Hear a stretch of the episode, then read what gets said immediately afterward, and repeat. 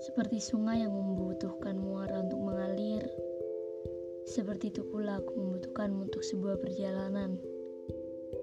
Meskipun aku tidak pernah tahu apakah takdir menjadikanmu lautan tempatku pulang atau sekedar persimpangan untukku bermuara mencari arti dari sebuah perjalanan.